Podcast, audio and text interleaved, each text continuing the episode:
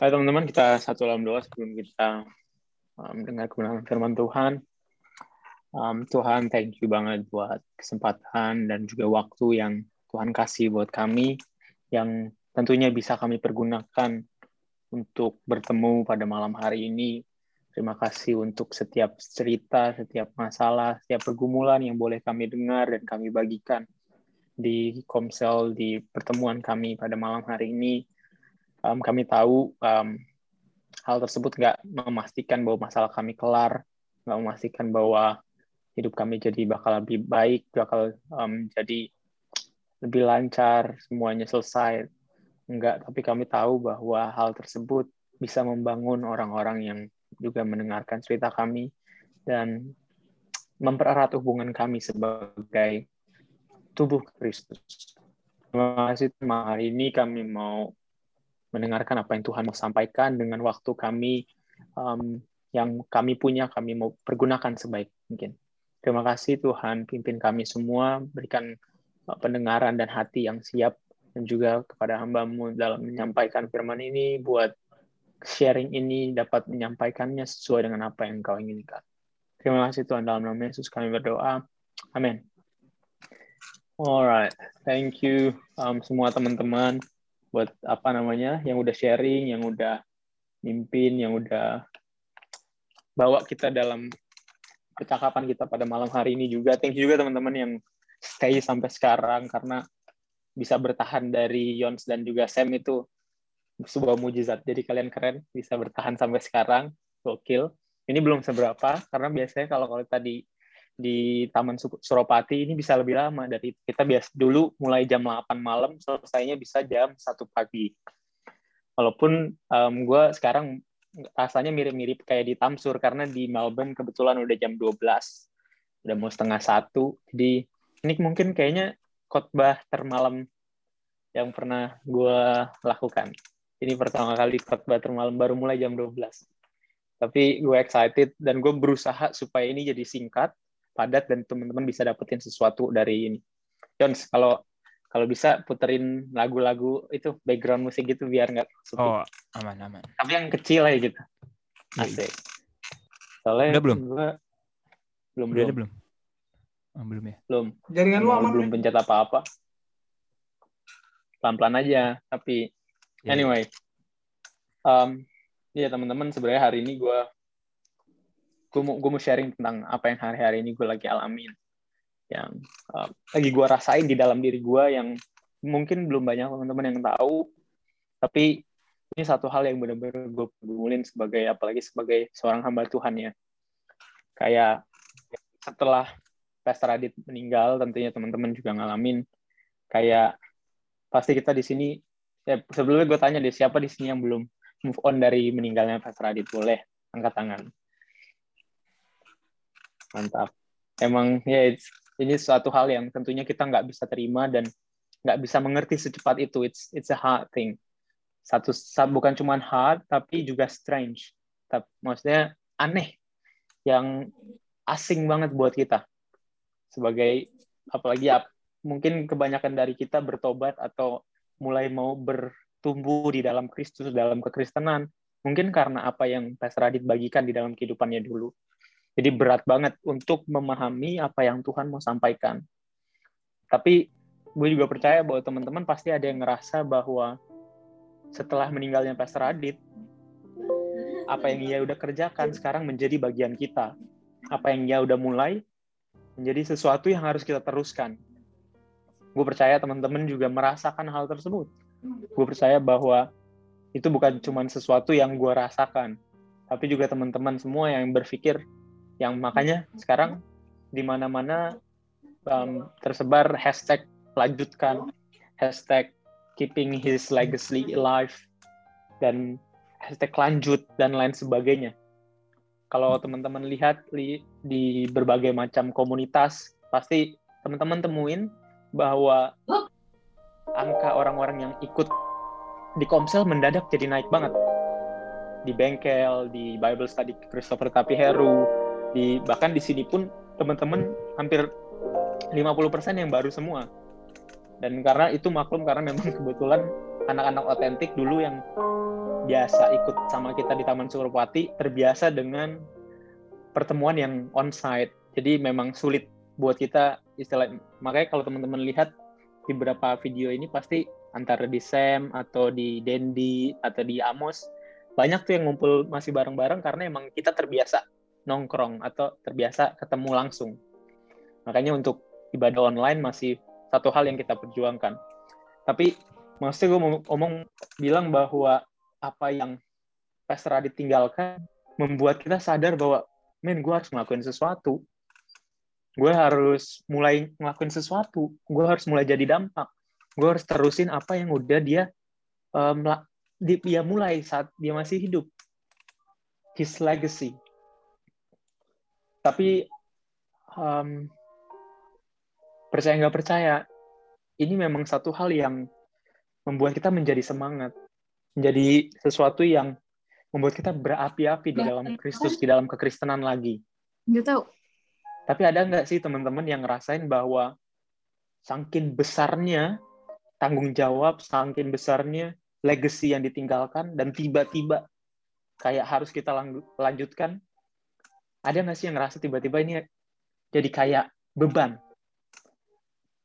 Memang ini satu beban yang harus kita pikul, tapi gue ngerasain bahwa saat kayak legacy ini datang, legacy apa yang harus diteruskan ini muncul dan gue gua rasakan awalnya memang semangat banget gue kayak ngerasa damn gue harus ngelakuin sesuatu setelah Pastor Radit pergi tapi setelah gue jalan-jalanin entah kenapa teman-teman if I can be very honest with you buat dengan sangat jujur gue bilang bahwa semua itu kemudian jadi beban buat gue sebagai istilahnya orang yang melayani Tuhan secara um, full time sebagai pelayan Tuhan, sebagai pendeta secara khusus.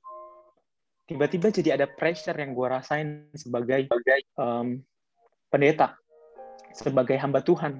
Kayak gue harus ngelakuin ini nih. Gue memang melayani Tuhan. Gue memang ada di gereja. Gue pelayanan secara full time, tapi gue nggak terbiasa dengan melayani di sosial media, teman-teman. Gue bukan orang yang punya gift di sana, gue bisa, gue bisa belajar bikin konten, gue bisa belajar um, ngelakuin apa namanya edit video, gue bisa belajar um, bikin kayak quotes dan lain sebagainya. I can do that. Tapi entah kenapa itu satu hal yang berat buat gue teman-teman karena itu bukan gue. Itu bukan gua yang seperti biasa Instagram gua biasanya cuma buat sharing kehidupan dan tiba-tiba setelah Pastor Radit meninggal mungkin teman-teman yang muda juga ngerasain bahwa tiba-tiba kok banyak yang follow kita tiba-tiba banyak orang yang datang ke Instagram kita dan gue jadi ngerasa gila nih mereka kayaknya expect sesuatu dari gue mereka kayaknya expect sesuatu yang bisa gue bagikan sebagai anak rohaninya Pastor Radit sebagai seorang hamba Tuhan juga yang mungkin akan meneruskan apa yang Pastor Adit udah mulai saat dia masih hidup. Jujur dulu gue punya Instagram yang lain, teman-teman. Kalau teman-teman anak-anak otentik pasti tahu gue punya Instagram juga dulu. Yang sebelumnya gue hapus karena gue nggak siap untuk melayani di sosial media. Di saat itu, um, followers gue juga naik. Karena pelayanan bareng Pastor Adit, bareng otentik kayak orang udah mulai kenal gue sebagai pelayan Tuhan. Jadi mereka masuk ke yeah. sosial media gue. Tapi karena gue saat itu nggak siap, itu kayak dua tahun yang lalu, 2019 atau 2018. Berarti hampir tiga tahun. Itu gue hapus Instagram gue. Eh, 2019. Iya, gue hapus Instagram gue. Karena, no, no, gue nggak bisa di-expect orang. Gue nggak bisa pakai Instagram atau sosial media untuk menjadi tempat gue sharing sesuatu. Gue lebih orangnya lebih suka ngobrol secara langsung kayak Zoom lah minimal kayak Zoom kayak gini atau um, khotbah secara langsung, sharing-sharing secara langsung. I like that the most. Tapi untuk suruh bikin konten yang rutin, yang di expect, yang kalau seolah-olah kalau kita nggak buat, gue eh mereka bak, orang-orang bakal nanya, kok nggak ada konten gitu-gitu? Gue nggak bisa. Makanya dulu gue hapus Instagram gue karena, nah kayaknya orang-orang yang follow gue udah mulai orang-orang yang expect gue sebagai seorang pendeta, pelayan Tuhan. Gue belum menjadi pendeta saat itu. Dan hal itu ke kejadian lagi sama gue sekarang-sekarang ini, teman-teman. Dan gue pikir saat pertama kali orang mulai follow gue, gue pikir, apa emang ini saatnya ya? Apa jangan-jangan dulu gue kabur, dan sekarang Tuhan mau bilang, nah, this is the time. Lu emang harus masuk ke dalam pelayanan sosial media juga. Ya udah, gue bilang, oke, okay, I'll try. Gue coba. Gue coba bikin um, sesuatu. Gue coba up, kayak kayak ada tekanan tuh seolah-olah gue harus bikin konten setiap hari. Cuman gue masih tolak yang kayak gue hanya mau membagi sesuatu saat ada sesuatu yang muncul di dalam hati gue. Jadi gue cuman berapa post doang, udah. Terus hari-hari ini gue ngerasa, kok kayaknya memang gue nggak bisa paksain ini. Ini bukan sesuatu yang apa namanya Tuhan taruh di dalam diri gue yang Tuhan taruh di dalam tangan gue untuk menjadi um, menjadi kekuatan gue untuk membagikan sesuatu. Mungkin teman-teman juga ngerasain hal yang sama. Gue tahu teman-teman juga belum move on dari kepergian Pastor Adit. Dan gue juga tahu pasti teman-teman di dalam hati kecil kita semua saat melihat Pastor Adit nggak ada, ada dorongan untuk, men, lanjutin, men lakuin sesuatu. Karena orang yang selama ini kita istilahnya harapkan atau bergantung eh kebergantungan udah nggak ada orang satu sosok yang selama ini anak-anak muda look up banget udah nggak ada. Makanya kita harus nerusin. Gue tahu itu pasti ada di hati kita masing-masing. Tapi mungkin juga di antara kita ada yang akhirnya jadi terbeban karena perasaan tersebut. Kayak, ini kalau gue nggak ngelakuin sesuatu, kalau gue nggak ngelakuin sesempurna yang Bang Radit lakuin, kalau gue nggak ngelakuin sebaik yang orang-orang bisa kerjakan di sosial media atau di mana pun, yang ada, gue mempermalukan nama Tuhan. Yang ada, gue mempermalukan diri sendiri. Yang ada bukannya ngeberkatin, malah ngebebanin kehidupan orang nyesatin kehidupan orang, dan lain sebagainya. Kita mungkin ragu sama panggilan Tuhan yang lagi dia, yang udah Tuhan suarakan dalam kehidupan kita melalui apa pun itu. Kita mungkin ragu sama jalan hidup kita yang Tuhan udah arahkan di dalam kehidupan kita saat-saat ini. Maka kita hari ini mau belajar teman-teman bareng-bareng dari ceritanya Musa kalau teman-teman baca di dalam keluaran, keluaran pasal 2 sampai pasal 4, dan di pasal yang ketiga kalau nggak salah dibilang bahwa Musa dipanggil oleh Allah. Pertama kali Musa diutus oleh Tuhan. Kalau teman-teman baca di dalam keluaran pasal yang kedua, itu kan Musa lahir. Teman-teman kemungkinan udah tahu ceritanya gimana. Jadi setelah Firaun yang lama yang kenal sama Yusuf meninggal, um, naiklah satu Firaun yang baru yang nggak kenal siapa Yusuf, yang akhirnya menindas orang-orang Israel, orang-orang Yahudi, orang-orang Ibrani. Karena sebelumnya saat Firaun yang kenal sama Yusuf masih hidup, orang-orang Israel diterima di Mesir. Karena Yusuf um, adalah perdana menteri di tangan tangan kanannya Firaun pada saat itu. Jadi orang Israel banyak yang hidup di sana karena keluarganya Yusuf juga keturunan Yakub banyak yang tinggal di sana. Mereka beranak cucu. Akhirnya makin banyak orang Israel. Eh tiba-tiba saat Firaun yang itu meninggal, Firaun yang lain naik atau berkuasa, Firaun berpikir nih orang-orang Israel udah kebanyakan nih, bahkan lebih banyak daripada orang Mesir. Kalau misalnya tiba-tiba orang Mesir apa namanya ada musuh musuh terus mereka bekerja sama sama orang Ibrani atau orang Yahudi terus mengkudeta bangsa mereka bisa gawat makanya saat itu orang Mesir Firaun memutuskan untuk menindas mereka suruh kerja rodi bahkan bidan-bidan yang ada di sana disuruh kalau ada anak orang Israel yang melahirkan terus anaknya laki-laki disuruh bunuh kenapa supaya orang Israel nggak makin banyak, nggak makin kuat, dan mereka nggak bisa memberontak. Tujuannya kayak gitu. Jadi singkat cerita Musa lahir terus diselamatkan um, karena dibuang ditaruh di sungai ini terus di, di, diadopsi sama putri Firaun. Ya singkat cerita dia hidup dia um, tinggal di kerajaan lah ya. Lainnya dia punya tempat walaupun dia nggak punya pengalaman memimpin. Dia nggak punya pengalaman yang kayak entah dia dipercayakan di kerajaan jadi apa dan segala macam disuruh mimpin apalah nggak ada satu kali dia buat kesalahan teman-teman karena dia bunuh ada tentara Mesir yang yang istilahnya mengganggu orang Israel saat mereka kerja apa? Karena kejahatan orang Mesir ini kepada orang Israel akhirnya dia bunuh orang Mesir itu. Terus diketahuan sama Firaun. Dan akhirnya si Musa dikejar-kejar. Musa akhirnya kabur. Dia takut. Dia takut karena Firaun mau bunuh si Musa karena ketahuan dia bunuh orang Mesir.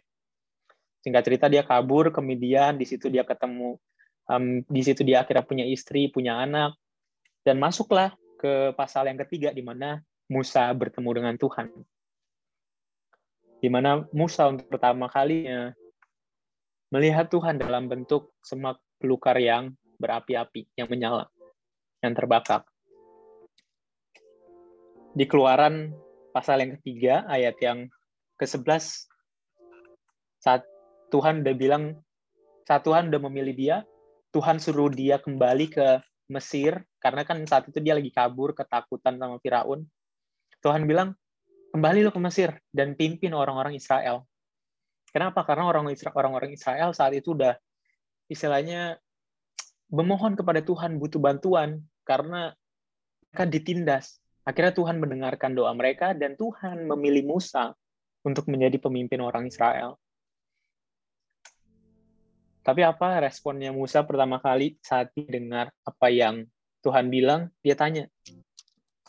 Dia di pasal 3 ayat 11, Keluaran 3 ayat 11 dibilang, "Tetapi Musa berkata kepada Allah, Siapakah aku ini maka aku yang akan menghadap Firaun dan membawa orang Israel keluar dari Mesir. Mungkin kebanyakan di antara kita meragukan apa yang Tuhan kerjakan, Tuhan pilih kita, Tuhan utus kita. Meragukan panggilan Tuhan di dalam kehidupan kita karena kita pikir, no, gue nggak bisa. Gue nggak layak, gue nggak punya kemampuan itu. Buktinya ya memang kebetulan Musa nggak punya pengalaman dalam memimpin. Makanya dia cabut. Dia takut bahkan. So, istilahnya dibilang, penakut lah dia orangnya. Dia cabut saat dikejar-kejar sama Firaun. Padahal dia dia adalah putri dari um, putra dari putri Firaun itu sendiri.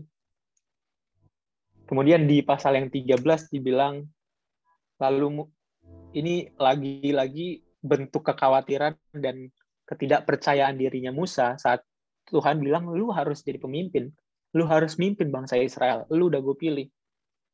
Di ayat yang ke-13 Musa bilang, Lalu Musa berkata kepada Allah, Tetapi apabila aku mendapatkan orang Israel dan berkata kepada mereka, Allah nenek moyangmu telah mengutus aku kepadamu, dan mereka bertanya kepadaku, bagaimana tentang namanya?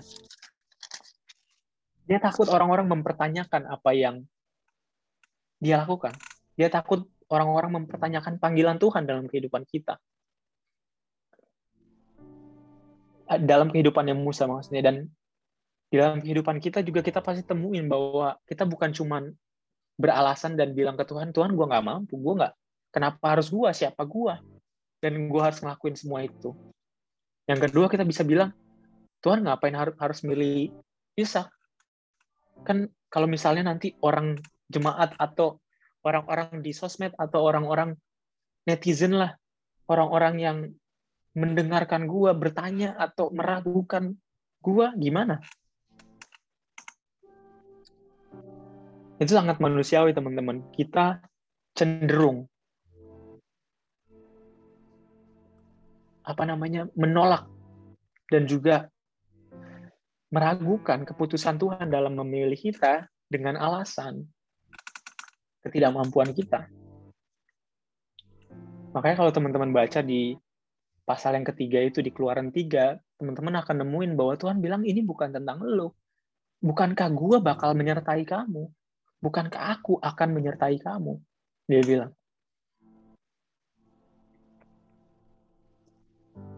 Dan dalam hubungannya dengan apa yang gue alamin teman-teman, gue pikir bahwa gue harus melayani, melanjutkan apa yang Pastor Adi itu udah berikan, udah kerjakan selama hidupnya, dengan cara melakukan sesuatu yang besar, memberikan dampak yang besar melalui sosial media.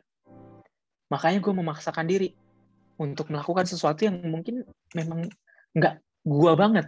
Gue paksain diri karena gue pikir, oh this the only way gue bisa jadi berkat.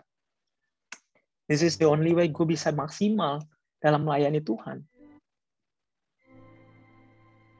Di keluaran pasal 4 ayat yang pertama dan kedua dibilang gini. Lalu saud Musa, bagaimana jika mereka tidak percaya kepadaku dan tidak mendengarkan perkataanku? Melainkan berkata, Tuhan tidak menampakkan diri kepadamu. Lagi-lagi diragukan, dia dia takut diragukan lagi sama orang. Dan Tuhan cuma bilang begini, Tuhan berfirman kepadanya, apakah yang ada di tanganmu itu? What is that in your hand? What's on your hand? Apa yang lu punya di tangan lu sekarang?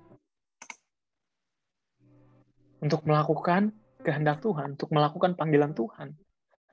Untuk melakukan apa yang Tuhan inginkan dalam kehidupan kita. It's never about doing big things.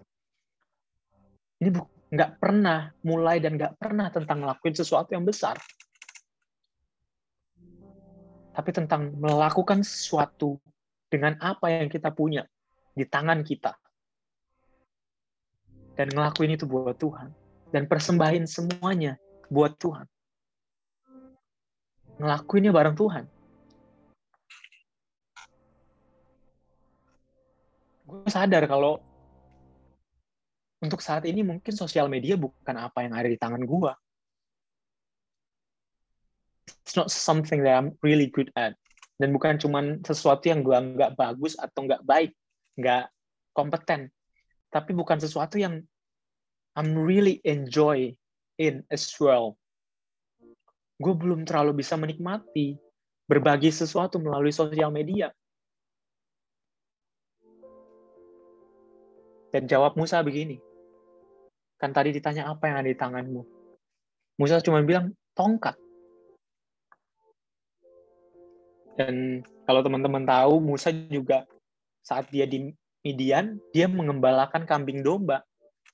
Dia memang nggak pernah punya pengalaman memimpin pemerintahan atau orang komunitas, tapi dia punya pengalaman memimpin kambing domba. Sesimpel itu. Sekecil itu. Dan Tuhan bilang, pakai itu. Pakai apa yang yang lu punya yaitu tongkat. Tongkat mengembalakan itu. Ayat yang ketiga di pasal pasal 4 ayat 3 dibilang firman Tuhan. Lemparkanlah itu ke tanah. Dan ketika dilemparkannya ke tanah, maka tongkat itu menjadi ular. Sehingga Musa lari meninggalkannya. Tetapi firman ayat 4, tapi firman Tuhan kepada Musa, ulurkanlah tanganmu dan peganglah ekornya. Musa mengulurkan tangannya, ditangkapnya ular itu, lalu menjadi tongkat di tangannya. Ayat yang keenam dia bilang, Tuhan bilang lagi firman Tuhan kepadanya, masukkanlah tanganmu ke dalam bajumu.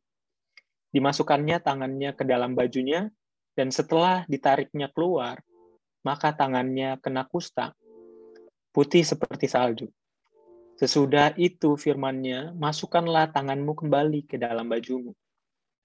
Musa memasukkan tangannya kembali ke dalam bajunya, dan setelah ditariknya keluar, maka tangan itu pulih kembali seperti seluruh badan. Dan Tuhan bilang kalau orang-orang Israel, kalau semua orang yang mereka belum percaya juga, lakuin hal yang ketiga, dia bilang, dan jika mereka tidak juga percaya kepada kedua tanda mujizat ini, dan tidak mendengarkan perkataanmu, maka engkau harus mengambil air dari sungai Nil dan harus kau curahkan di tanah yang kering. Lalu air yang kau ambil itu akan menjadi darah di tanah yang kering itu. Ini bukan tentang apa yang kita punya, teman-teman. Ini bukan tentang apa yang bisa kita lakukan, bukan hal besar yang bisa kita capai, yang bisa kita usahakan. Tapi dalam mengikut Tuhan, dalam menjawab dalam Tuhan, it's just about bringing ourselves to God. Dalam hal ini kita lihat, tongkatnya, kemampuannya, itu bukan sesuatu yang jadi utama, bukan fokus utamanya, bukan apa yang besar yang kita miliki, tapi dengan ses hal sesimpel apa pun. Tapi saat kita bawa ke Tuhan, ini jadi sesuatu yang besar. Jadi mujizat. Menjadi tanda-tanda yang bisa dipercaya dalam konteks ini. Menjadi tanda-tanda yang bisa dilihat oleh orang-orang Israel dan membuat mereka percaya bahwa Musa diutus sama Tuhan. Tapi tetap Musa masih nggak percaya, dia masih ragu sama panggilannya Tuhan, dia masih ragu tentang apa yang Tuhan mau kerjakan dalam kehidupannya dia. Makanya ayat 10 dia bilang, kata Musa kepada Tuhan, ah Tuhan, aku ini tidak pandai bicara. Dahulu pun tidak, dan sejak engkau berfirman kepada hambamu pun tidak. Sebab aku berat mulut dan berat lidah. Terus Tuhan bilang ayat 11, tetapi Tuhan berfirman kepadanya, siapakah yang membuat lidah manusia? Siapakah yang membuat orang bisu dan tuli? Membuat orang melihat atau buta? Bukankah aku, yakni Tuhan? Tapi sekali lagi, Musa masih nggak percaya bahwa saat dia bilang, gue nggak bisa ngomong, Tuhan, gue nggak bisa mimpin, gue nggak bisa ngomong depan orang. Terus Tuhan bilang, yang nyiptain itu semua siapa? Tapi ayat 13 sekali lagi Musa dengan tidak percaya dan tidak yakin tentang panggilan Tuhan, dia bilang, tetapi Musa berkata, ah Tuhan, utuslah kiranya siapa saja yang patut kau utus. Karena ada lagunya ini, aku Tuhan, utuslah dia, gitu kan. Kayak kita bilang ini Tuhan, ini, ini gue Tuhan, tapi utus Sam aja lah. Atau utus Yons, Terus yang lain, jangan gua. Karena terlalu banyak protes, terlalu banyak gak percayanya si Musa, Tuhan sampai marah. Dia bilang, maka bangkitlah murka Tuhan. Ini di ayat 14. Terhadap Musa dan ia berfirman, Bukankah Harun di situ, orang Lewi itu kakakmu? Aku tahu bahwa ia pandai berbicara lagi pula ia telah berangkat menjumpai engkau dan apabila ia melihat engkau, ia akan bersuka cita dalam hatinya. Maka engkau harus berbicara kepadanya dan menaruh perkataan itu ke dalam mulutnya. Aku akan menyertai lidahmu dan lidahnya dan mengajarkan kepada kamu apa yang kamu yang harus kamu lakukan.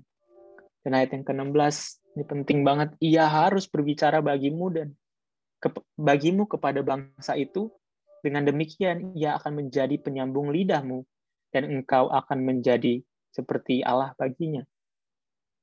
Ayat 17 lagi dibahas, dan bawalah tongkat ini.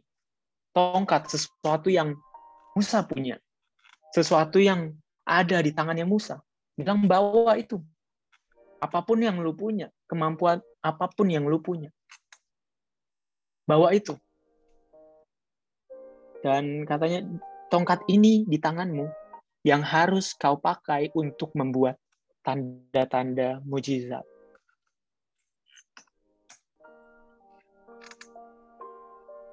Dalam melayani Tuhan, dalam menjalani kehidupan kita, menjalani panggilan kita sebagai orang Kristen, sebagai sahabat, sebagai keluarga, sebagai student, sebagai pekerja,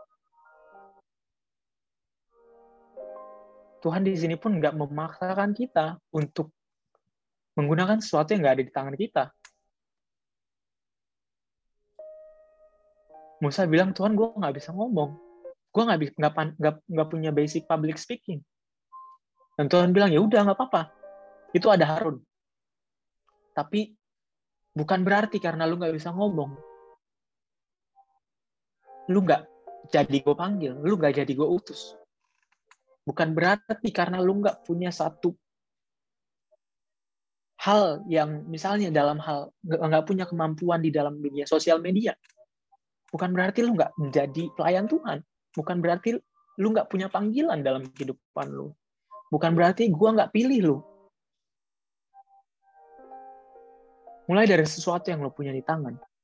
Karena ayat 17 tadi bilang bahwa bawalah tongkat itu. Bawalah sesuatu yang lu punya di tangan. Untuk membuat tanda-tanda mujizat. Mujizat pertobatan, perubahan hidup, kasih, damai, dan harapan gak cuma muncul melalui satu hal yang mungkin kita lihat berhasil di orang lain. Dan ini juga reminder buat gue bahwa man, the legacy yang Pastor Radit udah tinggalkan, mungkin gak hanya, mungkin untuk gue, gak harus berjalan, gak harus gue terusin melalui sosial media. Salah satu alasan kenapa selama ini gue memaksakan diri gue karena gue berpikir kalau Paulus, Petrus dan semua rasul hidup di zaman sekarang, mungkin mereka pakai sosial media. Karena memang kebetulan itulah instrumen yang paling mudah untuk mencapai orang, untuk engage dengan orang, untuk memberitakan firman Tuhan. Yes, that's right. Tapi bukan berarti kita harus mulai dari sana langsung. Bukan berarti kita harus memaksakan diri kita untuk langsung sampai di titik sana. Dan ini happens in our lives juga teman-teman. Mungkin kita, diri kita sendiri menaruh ekspektasi yang sangat tinggi buat kehidupan kita, buat panggilan kita, pekerjaan kita. Kita pikir bahwa, oh untuk jadi berhasil, untuk menjadi berkat, untuk dilihat banyak orang untuk berdampak bagi kehidupan orang, untuk mengubahkan jalan hidup orang yang udah berantakan. Gue harus dari sini. Makanya kita memaksakan diri, oh gue harus lakuin hal lakuin yang akhirnya kita depressed, kita tertekan. Karena it's not something that we have in our hands. Bukan sesuatu yang udah kita genggam di dalam tangan kita. Ini kayak ngomongin kita mau investasi nih. Kita mau invest, tapi kita minjem duit. Itu nggak masuk akal. Maksudnya kita mau menaruh sesuatu dengan sesuatu yang kita nggak punya. Kita mau invest uang. Invest kan harusnya tuh uang yang udah kita punya, yang bahkan mungkin nggak perlu nggak bakal kita pakai dalam waktu sebulan. Tapi kita mau invest tetap. Ah, pokoknya harus invest. Tapi karena kita nggak punya duit, kita minjem gitu kita paksain untuk sampai untuk bisa invest. Tentu nggak masuk akal. Gitu juga hidup kita teman-teman. I really hope apa pun yang kita semua lagi pegang mimpi semangat apa pun itu mudah-mudahan kita bisa mulai melalui apa yang kita punya sekarang. Bukan berarti kita menganggap diri kita, diri kita rendah bukan tapi kita mau percayain semuanya ke Tuhan melalui hal yang paling sederhana sekalipun. Hal yang paling kecil. Apa contohnya yang kita punya? Kalau kita nggak punya talenta, nggak mungkin sih. Tapi sejelek-jeleknya kita, pasti kita punya satu hal. Kita punya waktu. Kalau kita nggak punya waktu, mungkin kita punya tenaga sebagai anak muda. Kalau kita nggak punya tenaga, kita punya hubungan satu sama lain sama orang lain yang kita punya di, di, di sekitar kita, komsel kita, keluarga kita. Kita mulai dari situ dulu. Dari hubungan kita. Mulai dari situ dulu, dari waktu kita. Untuk kita spend untuk belajar. Kita spend untuk ngobrol sama orang. Dan lain sebagainya. Hashtag lanjutkan harusnya menjadi sesuatu yang menguatkan kita. legacy yang Pastor Adit sampaikan kepada kita harus jadi sesuatu yang bukan menekan kita untuk jadi memaksakan diri untuk jadi orang lain. Karena selama Pastor Adit hidup pun dia selalu memegang teguh menjadi utuh dan asli dan biarlah kita semuanya jadi anak-anak Tuhan, jadi pelayan Tuhan, jadi pemimpin, jadi orang-orang yang Tuhan mau pakai sebagai diri kita. To be useful as we are, menjadi berguna, menjadi berdampak sebagaimana diri kita, sebagaimana adanya diri kita. So what it is that in your hand right now? Apa sih yang ada di tangan kita sekarang, teman-teman? Take that, ambil itu, pegang erat-erat, dan mulai dari situ. Mulai dari situ, kita lakuin mujizat mujizat kecil buat orang lain. Lu pandai ngelawak, lu lucu. Jadi itu alat untuk berkatin orang banyak stres, yang lagi stres. Lu punya kemampuan untuk mendengar orang cerita. Lu sabar bisa dengerin orang cerita dua jam panjang lebar segala macam. Pakai itu untuk memberikan kesembuhan di dalam kehidupan orang yang udah hancur, yang seolah-olah hidupnya nggak ada nggak ada harapan, dia ngerasa sendiri. Tapi melalui lu yang dengerin cerita dia, ada mujizat yang mungkin kelihatannya kecil, tapi berarti buat mereka. Gue mungkin belum bisa melayani di sosial media seperti kebanyakan orang yang dengan natural bisa membagikan sesuatu secara rutin, gue belum bisa. Bahkan saat banyak orang ngechat gue di Instagram gue pusing kepala gue kalau lu lihat postingan gue yang dulu gue nggak pernah balas komen temen-temen. Bukan karena bukan karena gue sombong tapi emang gue nggak tahu mau jawab apa. Gue nggak ngerasa harus dijawab. Gue segitunya dalam sosial media. Tapi hari-hari ini gue paksa gue jawab jawabin gue balas komen gue like komennya segala macam eh dampaknya adalah semua orang kemudian um, DM gue ke Instagram karena banyak yang DM gue yang kayak akhirnya curhat, nanya sesuatu. Bahkan ada yang lebih parah sampai kayak video call video call gue kaget gue. Gue orang yang kenal aja video call gak ini kayak Sam nih kalau video call gue mendadak kadang-kadang gue liatin doang. Udah udah amat matiin ya. Karena emang segitunya gue. Saatnya dan gue belum terbiasa. Mungkin gue belum bisa.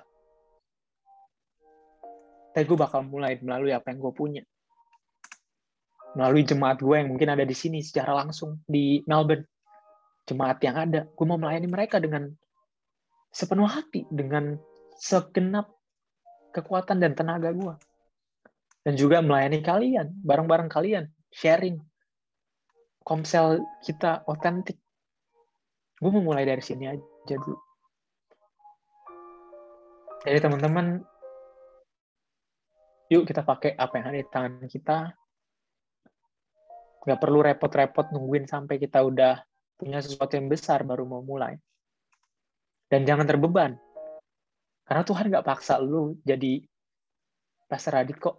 Tuhan nggak paksa lu jadi seseorang yang mungkin bagi kita dampaknya terlalu besar untuk kita copy atau untuk kita ikuti nggak dia cuma mau lu jadi pribadi lu masing-masing dan dari apa yang lu punya, sekecil apa pun itu. Mulai ciptain mujizat-mujizat yang kecil, tapi berdampak buat banyak orang. Mari kita doa teman-teman.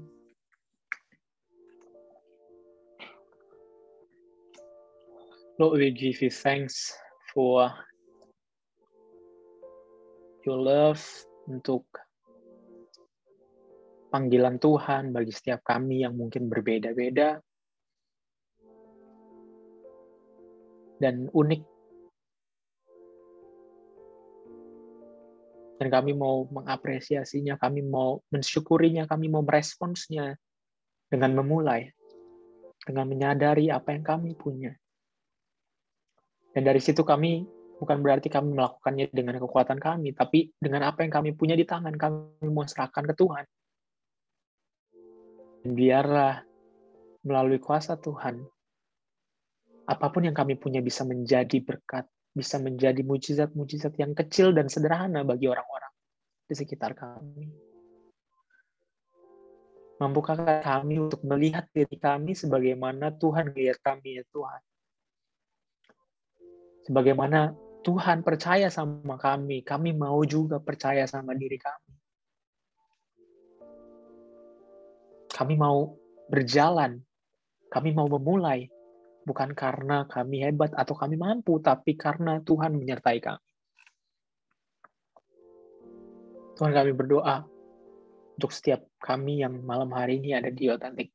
Di Zoom meeting ini Tuhan, setiap pergumulan kami, masalah kami, hal-hal yang kami pikirin hari, hari ini, mungkin nggak akan hilang, nggak akan selesai dalam sekejap, tapi kami mau Tuhan berikan assurance, berikan keyakinan, berikan hal yang bisa membuat kami percaya dan meneguhkan hati kami dan untuk kami bisa bertahan di dalam keadaan ini. Biarkan kami dapat menyadari the presence of God, kehadiran dirimu sendiri di dalam hidup kami. Supaya kami gak perlu khawatir. Terima kasih Tuhan, biarlah kemuliaan hanya bagi Tuhan. Kami telah berdoa dan bersyukur. Amin.